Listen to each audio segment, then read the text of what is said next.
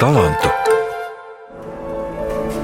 Tas ir skolas bērnu atcerēja dziesmu. Jā, jā. Tur ir tāds puisis, viņa mamma mācās, kā mums fotografēšana. Tā ir viņa paša atcerēta kompozīcija.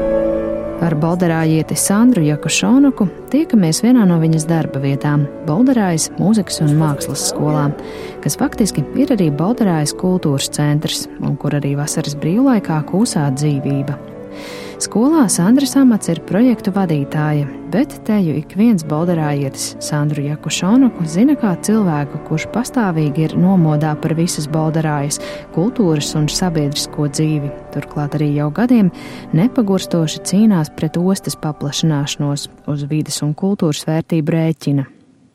Gadā, kad Rīga ir Eiropas kultūras galvaspilsēta un dažādos projektos īpaši uzmirdz arī Rīgas apkaimes, man ļoti gribas uzzināt vairāk gan par Rīgas galveno nomali, kā Bolderāju savā grāmatā savulaik nosaucis Ārvis Pope, gan arī par pašu Bolderājas šārma sargātāju Sandru Jakušonoku. Kā jums vispār sākās tās attiecības ar Bolderāju, jo, cik es zinu, jūs nesat pati no Bolderājas? Vienkārši ieprecējos, bet nu, tas jau bija šausmīgi sen. man liekas, tas tagad ir tā, ka nu, es nejūtos kā nenošai. Nē, es, protams, ka man ir situācijas, kurās es varu paskatīties uz Bodrāju no malas, un tas ir labi. Jo vispār tas ienācēju vai jauniņo tas fenomens man liekas diezgan interesants. Jo tāpēc, ka Protams, ka Bodrājā ir tā veco iedzīvotāju tā kopiena, tie, kas šeit ir mācījušies, tie, kas ir izauguši, kuru vecāki te ir auguši, kuru vecāki nu paudzēs, tie, kas ir dzīvojuši, ka viņi savā starpā viens otru pazīst. Vairāk vai mazāk komunicē, bet nu, tā ir tāda maza, maza vienība.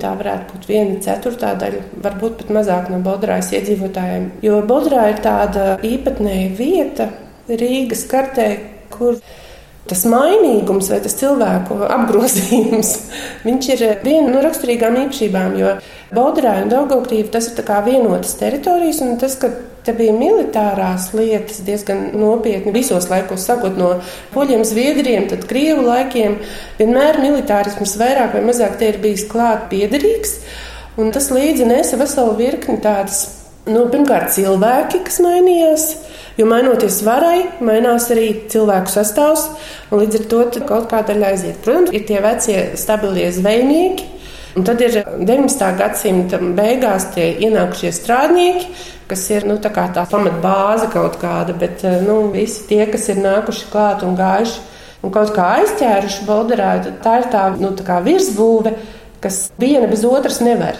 Un viņas kopā rada, man liekas, tādu neparastu fenomenu, kurā tā attieksme vai tolerance pret citādajiem ir diezgan, diezgan tāda, nu, viegla. Teikt, ka te nav kaut kādu etnisku vai kaut kādu tādu konfliktu, tā arī nav, bet tā sadzīvošana ir vieglāka kā citur, man liekas. Un ir arī teorijas, un man patīk tās teorijas, kas runā par kaut kādām īpašām iedzīvotāju grupām pie cietokšņiem. Un man šķiet, ka Bodrāja un Daugogrības cietoksnis varētu būt arī no tāda viedokļa interesants, ka cilvēki, kas dzīvo pie cietokšņiem, viņi dzīvo pie paša varas centra, jo cietoksnis ir tā kā tā zvaigzne, kas koncentrē sevī varu.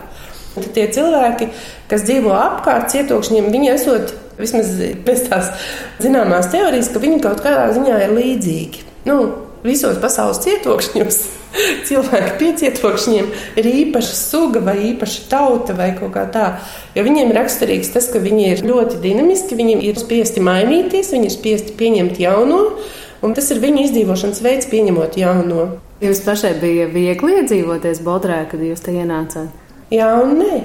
Jo tāpēc, ka, nu, protams, ka visi cilvēki, kas puslīdz vai vairāk vai mazāk jūtīgi, nu, jūt to pretnostatījumu, ka tu esi tikai ienācējs. Nu, es esmu dažreiz tā arī kaut kā tā pa pieri dabūjis, taču brauc atpakaļ tur, tur, tur, ja tu gribi kaut ko tur tā. Bet nē, es neteikšu, ka pārāk grūti. Nē, ir bijis viss kaut kas. Līdzās darbam Bolderājas mūzikas un mākslas skolā Sandra Jakušonaka vada arī nesen izveidoto Bolderājas turisma informācijas centru, biedrības Bolderājas grupa un koalīcija dabas un kultūras mantojuma aizsardzībai, un brīžam tā vien šķiet, ka viņai diennaktī ir vairāk stundu nekā citiem. Tomēr Sandrai Jakušonukai ar savu rosību lepoties nepatīk. Viņa ironizē, ka pie visa vainīgs pašas sliktais raksturs un atzīst, ka par savu kā bolderājas sirdsapziņas tēlu nebūt nav laimīga. Interesanti, ka runājot ar cilvēkiem par Bolderājas kopienu, par pilsoniskajām aktivitātēm, ļoti daudziem uzreiz pirmais vārds uz mēles ir jūsu vārds. Ā, Bolderāja, jā, tur ir tās Andrija Kušonuka. Kā jūs pati jūtaties kā tāda savā ziņā Bolderājas pilsoniskās sabiedrības seja vai sabiedriskās attiecības? Es tā nejūtos, jo man šķiet, ka vietā, kur ir 24,000 cilvēku, nu, kas ir saskaitot kopā Baltrāju Daugabrīvu, ka viena cilvēka kaut kā darīšana vai nedarīšana neatbrīvo visus pārējos no pienākuma darīt vai nedarīt. Tas drīzāk ir tā, ka man tas vairāk pat nepatīk nekā patīk.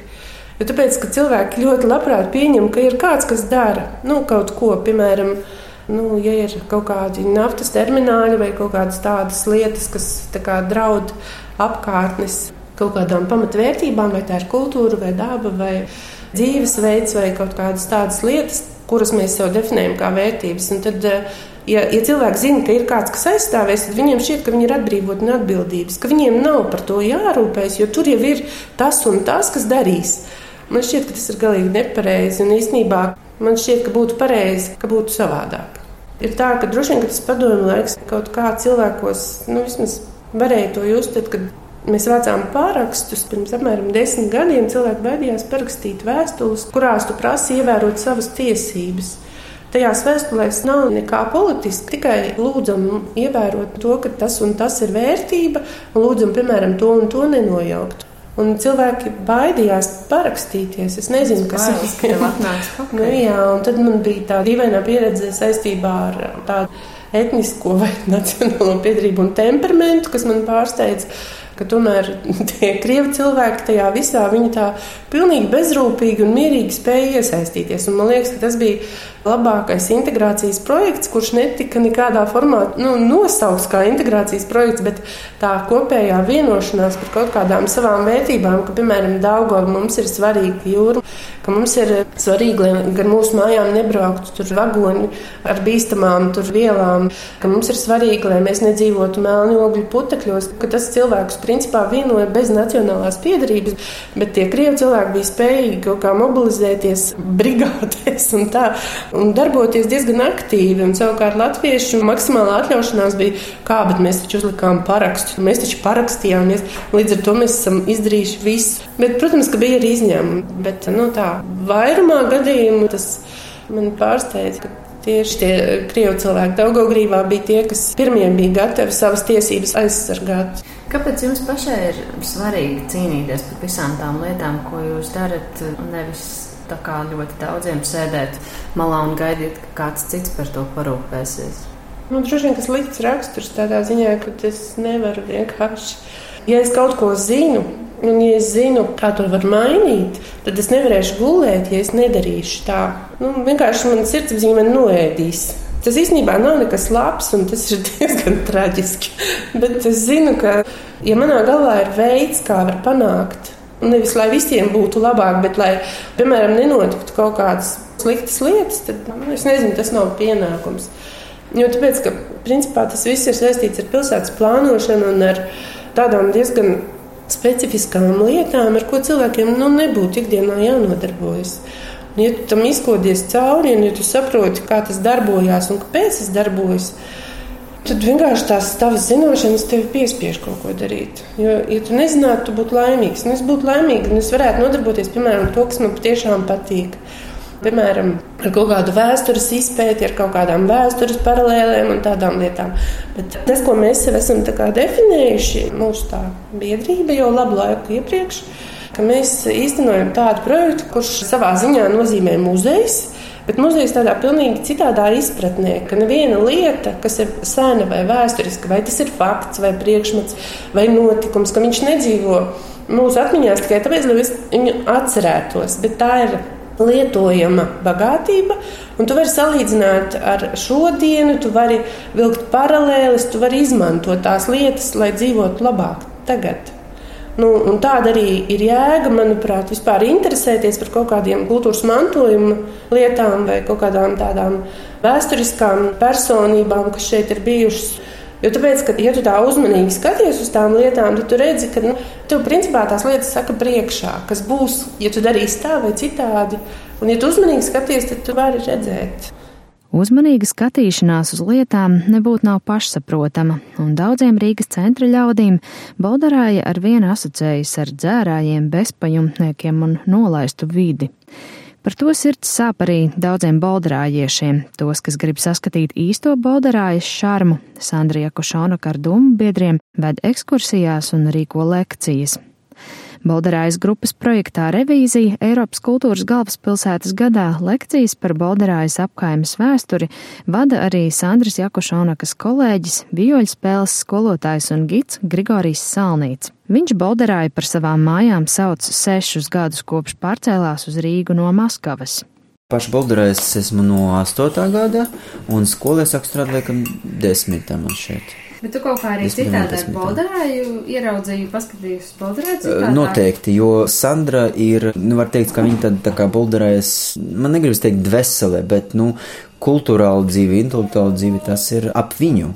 Jo viņi ir centrs, viņi ir zirneklis, kas taisa to tiklu, un visas labas mušas tad lido pie viņas. Jo tiešām viņi ir krustcēlis, caur kur tas viss kustējās. Un man vienmēr visur interesē tās vietas, kur es dzīvoju. Man tas ir svarīgi zināt, kas te dzīvoja pirms manis, kādi cilvēki, kādi likteņi ir bijuši un kas.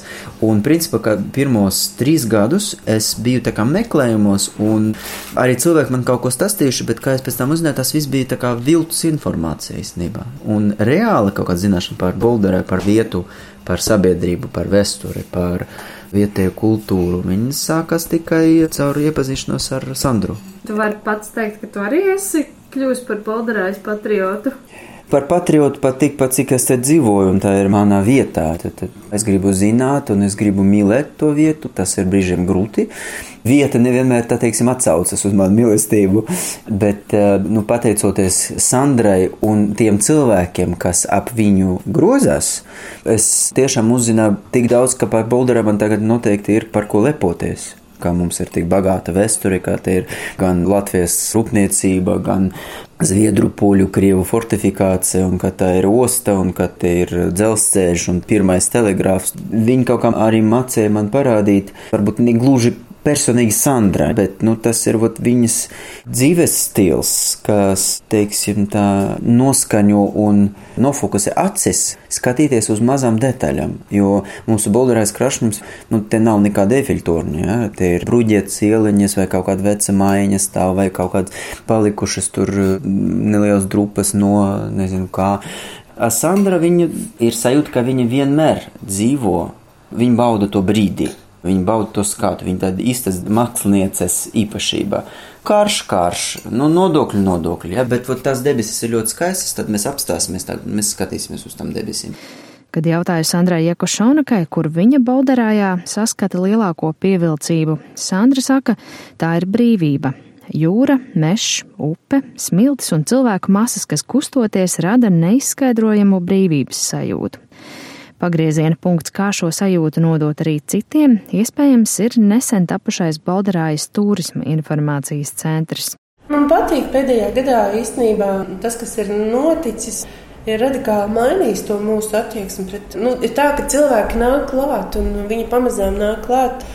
Nevis tā, ka tu atnāc un paklausies koncertu vai izstādi, ka tu atnāc kā patērētājs. Bet tas, kas notiek tajā informācijas punktā, tur ir tas, ka cilvēki nāk darboties savādāk. Nu, kā ar neuzspiestu, bet manu tādu mērķi, lai pirmkārt viņiem būtu zināšanas, un otrkārt, lai viņi varētu tajā visā iesaistīties.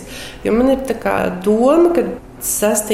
septembrī, kad būs Baltās naktis, kad vairāki no tā mūsu gidu tīkla dalībniekiem tomēr varētu arī vadīt ekskursijas, ko viņi jau paši starp citu ir darījuši. Bet es ceru, ka vienkārši tā kopā mācoties, ka mums tās ekskursijas sanāks labākas, ka mēs zināsim vairāk un ka mēs mācīsim vairāk. Nu, tad tas, ko mēs piedāvāsim, cilvēkiem iespēja atbraukt uz Baltijām naktīm uz Daugavgrības cietoksni cietoksnī tikt iekšā ar ekskursijas vadītāju starpniecību, jo tāpēc, ka naktī pa cietoksni staigāt, nezinot, kur tu vari iekrist vai iegāzties, tas īsti droši nav, bet, ja tev ir ekskursijas vadītājs, tad vadītājs izvadīs tumsā pa cietoksni.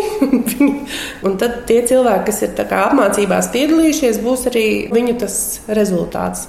Arī man Sandras Jakošonokas pavadībā izdodas vēl pirms Baltās nakts ielūkoties aiz varanā Daugaugrības cietokšņa vārtiem, kas darba dienās apmeklētājiem ir slēgti.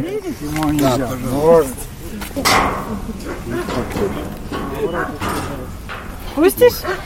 Daugaugrības cietoksnis ilgu laiku ir bijis privātās rokās un pašlaik ir bēdīgā stāvoklī. Par cietokšņa vēsturi vēsta vien daži stendi aizaugušas pļavas malā. Nu, jā, viņš ir būvēts kā jūras cietoksnis, cietoksnis pie jūras. Un e, tad, kad izveidoja to sistēmu, kā neļaut Daugavai aizsērēt ar dambiem, tad faktiski tā dambju sistēma radīja vēl papildus efektu, ka sāka augt zeme klāt.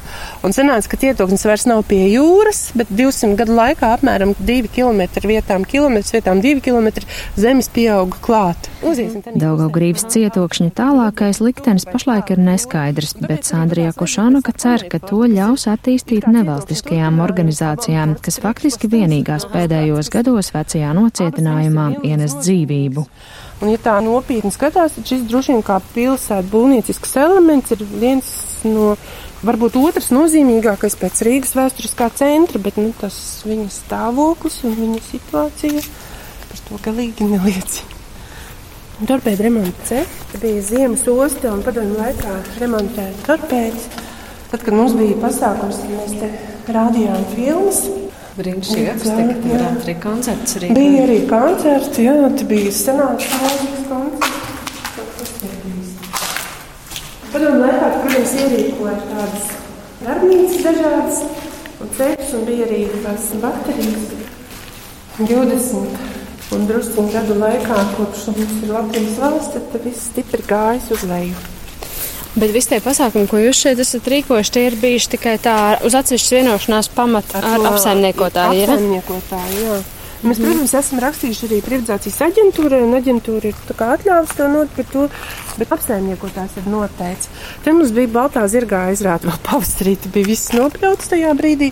Skatītāji, tad mums bija soliņi, un tad izrāda notika šeit, un tad bija ekrāns mūzijas, un tad var spiņķis ar Jākabu Nīmeni, un balts zirgs gaita garām, un mēs izstāstījām to stāstu par Strunku un Grosvaldu, un iespējams to, kā viņi satikās Un tas trakais jājiens baltā zirgā cauri pilsētai atmuguriski sēžot zirga mugurā. Iespējams, ka tas ir kaut kā kārnis, ka tos 20 gadus bija tas veids, kā tas notika. Jo, ja mēs sekojam tai teorijai vai pieņemam, ka tas ir tā loģiski, ka tā zvaigzne, kā varas koncentrāts ietekmē visas apkārtnes attīstību, tad faktiski tas, ka varu koncentrē cilvēks, kas nu, rada bombzīgumu, tad bombzīgums arī izplatījās apkārtnē. Mm. Tas, kas notika cietoksnī, iznīcība savā ziņā un sabrukšana un tā, tas pats arī atspoguļojās apkārtnē. Tagad ir tas pagrieziena punkts, ka tas viss varētu mainīties. Bet kas ir tas, kas šobrīd ir mainījies? Nu, vairs nav privatizācijas aģentūra saistīta ar to konkrēto apsaimniekotāju, kas 20 gadus faktiski nelaida vaļā cietoksni. Tagad ir tā, ka, ja kādam pasaka Daugavgrības cietoksnis, ai, tur jau ir problēmas, tur nevar neko izdarīt. Nu, tāda bija mm. attieksme. Un faktiski tas, no kā man ļoti bail, lai cietoksni nenotiek tā pati situācija vēlreiz, lai nenonāk privātpersonas rokās. Jo faktiski, ja paskatās uz Baltijas cietokšņiem kopumā, tad nav neviena vai ir tikai varbūt viens atsevišķs gadījums, kad cietoksnis ir privātpersonas īpašumā. Tās parasti ir teritorijas, kas ir problemātiskas, kas ir īpaši jāiegulda. Un, ja tas nonāk privātpersonas rīcībā, tas nozīmē, ka valsts zaudē kontroli, vairāk vai mazāk valsts zaudē kontroli. Un vienkārši gribas atrast to modeli, kas nenodarītu cietoksnim kā piemineklim pāri, atstātu valsts daļu tajā visā Un, ja valsts meklē šobrīd vēl jau vairāk vietu kaut kādam laikmatīgās mākslas centram, tad kāpēc ne šeit? Tie 17 km, tās 20 minūtes ar mašīnu, ko atbrauc no centra līdz šejienei, tas, nu, ja kāds ieņemtu cietoksni un radītu šeit vietu, ka tā zvaigzne mainītos, tad mainītos visa apkārtne. Tas radītu precedentu pirmkārt, un otrkārt, tas radītu iespēju apkārtnē attīstīties savādāk. Uzkāpjam arī līdz vietai, no kuras aiz klāt pieaugušajām zemēm var redzēt jūru un arī ostas ceļam krānus. Un tur jau uzreiz sāks ostiem. Nu jā, sanāk, dažviet tuvāk, dažviet bišķiņ tālāk, bet faktiski aiz cietokšņa vaļņa un aiz grāvja ir ostas teritorija. Es tā domāju, to ostu. Es esmu dzirdējis arī tādus argumentus, ka, nu jā, cik var cīnīties pret to ostu, jūs taču cīnāties pret jaunām darba vietām, pret reģionu attīstību. Jā, droši vien, ka tā ir. Bet, nu, tā ir no vienas puses, un tā nav. Bet tā attīstība varētu būt tāda, kāda viņa ir. Viņā pietrūks detaļu vai smalkjūtības īstenībā, jo tāpēc, es pieļauju, ka normālos apstākļos tā sadarbība varētu arī notikt. Bet tas, kā tas notiek šobrīd un šeit, tas ir tāds rupjais kapitālisms, kurā tas, ko mēs definējam kā vērtības, viņas vienkārši tiek ignorētas. Viņas tiek norakstītas, un tā forma ir apčakarēt, apmānīt un dabūt maksimālu labumu, nerēķinoties ar to, kas te ir. Nu, piemēram, Krievijas salā. Es saprotu, no vienas puses tas ir nu, milzīga teritorija, kas ir Rīgas brīvostā, kur pēkšņi dzīvo 1500 ķīri. Nu, nelieši viņi vienkārši ir. Bet vienlaikus tajā pašā teritorijā viņi bija potenciāli natūras teritorija. Tas ir saistīts ar plānošanu. Viņa bija sākumā definēta kā Natūra 2000 teritorija, kur varētu būt tāpat kā mīlestības saliņa, viņa varēja būt aizsargājumā saliņa. Līdz ar to nekāda problēma nebūtu. Bet pilsēta tomēr definēja, ka tā vieta būs attīstāma ostai. Un tad sanāk, ka tie putni muļķi aizgāja nevis turien, kur kā, viņiem paredzēja plānotāji, bet tur, kur tā kā neparedzēja. Bet putni paši par sevi. Ja viņi ir nosaukti par aizsargājumiem putniem un viņi ir ar Eiropas Savienības direktīvu aizsargāti, tad nu, loģiski, ka viņi ir jāaizsargā. Mūsu gadījumā no viņiem mēģina tikt vaļā. Drosmīgs cilvēks, tā par Sandriju Košonogu saka viena no viņas domu biedriem cīņā ar ostu Dainavīta Īzāka, pensionēta skolotāja un bolderājieta vairākās paudzēs. Dienā, kad tiekamies, līst lietus un Dainavīta mani sagaida dārzā pie vienas no skaistajām balderājas koka mājām. Es domāju, ka jebkuram cilvēkam, ja viņš kaut ko dara un grib izdarīt, tad viņam vajag pietiekoši augstas prasības pret to, ko viņš dara, pret to darba kvalitāti, pret to rezultātu. Ja? Nu, varbūt tā ir tāda tieksme pēc ideālā varianta, pēc tā labākā, ko tu vispār spēj dabūt gatavu tā ir ļoti laba īpašība. Es tā domāju, ja varbūt no malas tas izskatās tā kā Don Kihotam, jā, ar veidzirnavām. Bet, ja mums nebūtu tāda Sandra, tad vēl būtu ļoti daudz zaudējusi. Es domāju, ļoti. Arī Bolderājā Rīgas kā Eiropas kultūras galvaspilsētas gadā uzplaukuši vairāki kultūras projekti. Piemēram, pašportretu darbnīcas pērn Bolderājiešiem vadīja arī fotogrāfs Andrejs Strokins, kurš jau vairākus gadus projektā Cilvēki kāpās dokumentē Bolderāju un Daugau grīvu. Un šajā laikā sadraudzējies arī ar Sandru Jakošonoku un viņas vīru Vladimiru. Lai gan daudzi no šiem attēliem iespējams nav baldarājai glaimojoši, Strokinam ar savu attieksmi izdevies neievainot, saka Sandrija Košonoka. Vietās, kur ir bīstami, vietās, kur tu parasti zini, ka vietējie neiet, vai viņš bija faktiski visur, kur, vien, kur ir interesanti, aizraujoši, nu, tur, kur parasti nenotiek tā, ka kāds iet fotografēt. Man liekas, tas rezultāts, viņa tie darbi un viņa tās fotogrāfijas, viņas ir īstenībā kaut kāds neordinārs piemērs vai kaut kas ārpus kārtas, ka tā var strādāt fotogrāfs, kurš pa īstam to vietu mēģina saprast. Ka viņš brauc katru nedēļu, katru brīvu brīdi, un nevis tāpēc, ka viņam ir pienākums vai viņš ir pārņemts ar savu darbu, bet ka viņam patiešām ir interesanti. Vismaz tas veids, kā viņš to teritoriju iepazina, es nezinu, nevienu citu fotografu, kas tā būtu darījis. Man liekas, tāpēc, ja viņam ar tiem darbiem veicās kaut kādos starptautiskos konkursos, man liekas, ka tas nu reiz ir tas gadījums, ka cilvēks to patiešām ir pelnījis. Jo tā ir tāda pilnīgi godprātīga attieksme pret to, ko tu dari. Un tā ir ļoti rēta īstenībā. Un viņš man liekas, ir vēl viens tāds podrāja piederīgs stāsts, kurš ir nonācis un nokļuvis kaut kādas tās cietokšņas zvaigznes varā vai kaut kā tā. Un, ka tas viss mainīs viņu pašu arī droši vien. Nu, man kā personība mainījies, nezinu, bet eh, noteikti izpratne par Rīgu, par Bolderāju, par apkaimēm ir krietni mainījusies. Un sākumā varbūt tā bija tāda um, tiksmināšanās par eksotiku, par, par uh, postpadomu tādām lietām, fotogēniskām lietām, kuras kas ir vērts iemūžināt. Bet pēc tam tas pārgāja tādā vienkārši interesē par tiem iedzīvotājiem, kur tur dzīvo par tādu jocīgu vidi, kurā ir Skaista daba, jūra, upes, dažādas nu, ūdeņa apkārt. Un tajā pašā laikā ir eh, kaut kādas pamestās rūpnīcas, kazarmas. Tas kā, ietekmē tos vietējos iedzīvotājus un kaut kādā veidā droši vien tas ir ietekmējis mani pašu. Jūs arī šajā laikā esat eh, kļuvuši par tādiem draugiem? Jā, jā, jā, mēs esam kļuvuši par uh, draugiem. Bieži vien es, nu vismaz man tā šķiet. Es bieži vien braucu, tagad nevis turpināt dodēt savu projektu, bet es braucu vienkārši ciemos pie Sandras un Valoģis. Tas ir kā pārtepis no tāda projekta, pie kuras strādāju, pie tāda varbūt dzīvesveida. Mm. Nenormāli patīk tas, ko dara Sandra un Valoģi. Manuprāt, tādu cilvēku ļoti maz. Nu, labi, ka viņi ir Baudrajā, bet arī nu, citās vietās būtu ja tādu cilvēku parādītos vairāk un vairāk. Man liekas, ka viņi abi ir valoģi, ir tādi cilvēki ar to padomu laika domāšanu. Bet pozitīvā izpratnē tā, ka visas lietas, kas saistās ar naudu, priekš viņiem ir kaut kādā trešajā plānā, kad viņi strādā nedomājot par naudu un cenšoties vienkārši realizēt savas idejas. Nevis peļņas dēļ, bet kaut kādas pārliecības dēļ. Bet kāda ir tā tava bolderājas sajūta tagad, kad tu uz turieni brauc? Katrā ziņā tas ir, ka es to vairs neuztveru kā tādu vienkāršu projektu. Tas ir kā braukt uz Bolderā, tā ir tāda tā kā ikdienas rutīna, ja tā varētu teikt. Es nebraucu tur katru dienu, bet es nebraucu kā uz darbu.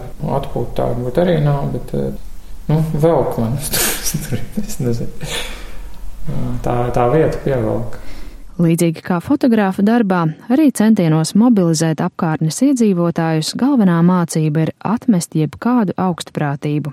Tā sarunas noslēgumā, pastaigājoties pa Bolderāju, atzīst Sandrija Košonoka. Mēs guvām riktīgi labu mācību, un tas bija 2002. gadā. Mēs ar to izslimojām, tā kā tāda bērnu slimība. Mēs bijām pārņemti ar trūkumu. Mums vajag uztaisīt Bolderājā muzeju, ka mums ir diezgan daudz vēsturisku materiālu un ka mums vajag dabūt cauri lietas, kas ir snobiski, estētiskas, un ka mums patīk tas, kas ir elitārs. Nosauksim to tā. Un tad notika tās termināla lietas, un mēs satikām tos cilvēkus, kas rīkoja protestus pirms mums. Krievu cilvēkus, kas pagalmos taisīja piketus, pat ne piketus. Viņi apspriedās par to, kāpēc nevarētu celt naftas terminālu šeit. Un viņiem bija argumenti. Viņiem tie argumenti bija tik dzelžēji un loģiski. Viņi bija inženieri no rūpnīcas, viņa teritoriju pārzināja. Mēs tos argumentus sākām skatīties un sapratām, ka jā, viņiem ir taisnība. Bet tie bija tādi pagalma diskusiju, pilnīgi stihiski kaut kādi pasākumi, kuros kaut kā pamazām, pamazām tajos kontaktos ar tiem cilvēkiem mēs sapratām, ka mūsu augstprātībai vienkārši nav vietas. Es pat nezinu, kurā brīdī, vai tad, kad tika izteigāta katra bodrājas māja, un tie tantuki, tur sākot ar 70-gadīgām tādām Marijām Afanasjevnām, kas kāp ar koku kūju kaut kādos entijos stāvos un pie katrām durvīm klauvēja un prasīja, vai jūs parakstīsieties pret, jo mums ir problēmas. Un lielākā daļa cilvēku arī parakstījās pret, bet viņi to izdarīja, nevis mēs. Nu, protams, mēs apkopojām parakstus, mēs arī gājām vākt parakstus, bet Bez tiem cilvēkiem mēs to nebūtu izdarījuši. Tu saproti, ka kaut kādā ziņā tavai augstprātībai, attieksmē pret kaut kādas vietas izglābšanu, ka viņai vienkārši nav vietas. Un ka tavs snobisms ir stulbs un viņš ir nevajadzīgs tajā brīdī, kad tu apzinājies kopīgas vērtības un saproti, kurš būs ar tevi un kurš būs pret tevi. Un saprot, ka tie bagātie un biezie brīvostas pārstāvi vai tie cilvēki, kas kā taisās attīstīt kādu termināli, ka viņu bagātība vienkārši ir smieklīga salīdzinot ar to kaut kādu beigu patiesumu. Un tas bija fenomenāls sajūtas, ko tie cilvēki deva. Tāpēc man liekas, ka nu, vienkārši tā nevar to aizmirst. Man liekas, tajā brīdī mēs izārstējāmies. Šāda brīža arī iedvesmo strādāt tālāk, un lai arī bieži šķiet, ka pilsētas attīstības politika apzināti padara nomalas par sociāli nelabvēlīgām, Sandrija Košonaka teica, ka tomēr ne par ko negribētu dzīvot sakārtotā vidē pilsētas centrā. Un spriežot pēc tā, kā pēdējā laikā aug arī ekskursantu skaits šajā Rīgas apkaimē, iespējams, ka Bolderājas šarma uzvaras gājiens jau ir sācies. Ar Sandru Jakošonuku sarunājās Māra Rozenberga. Par skaņu rūpējās Valdis Raitums un Renārs Šteimanis.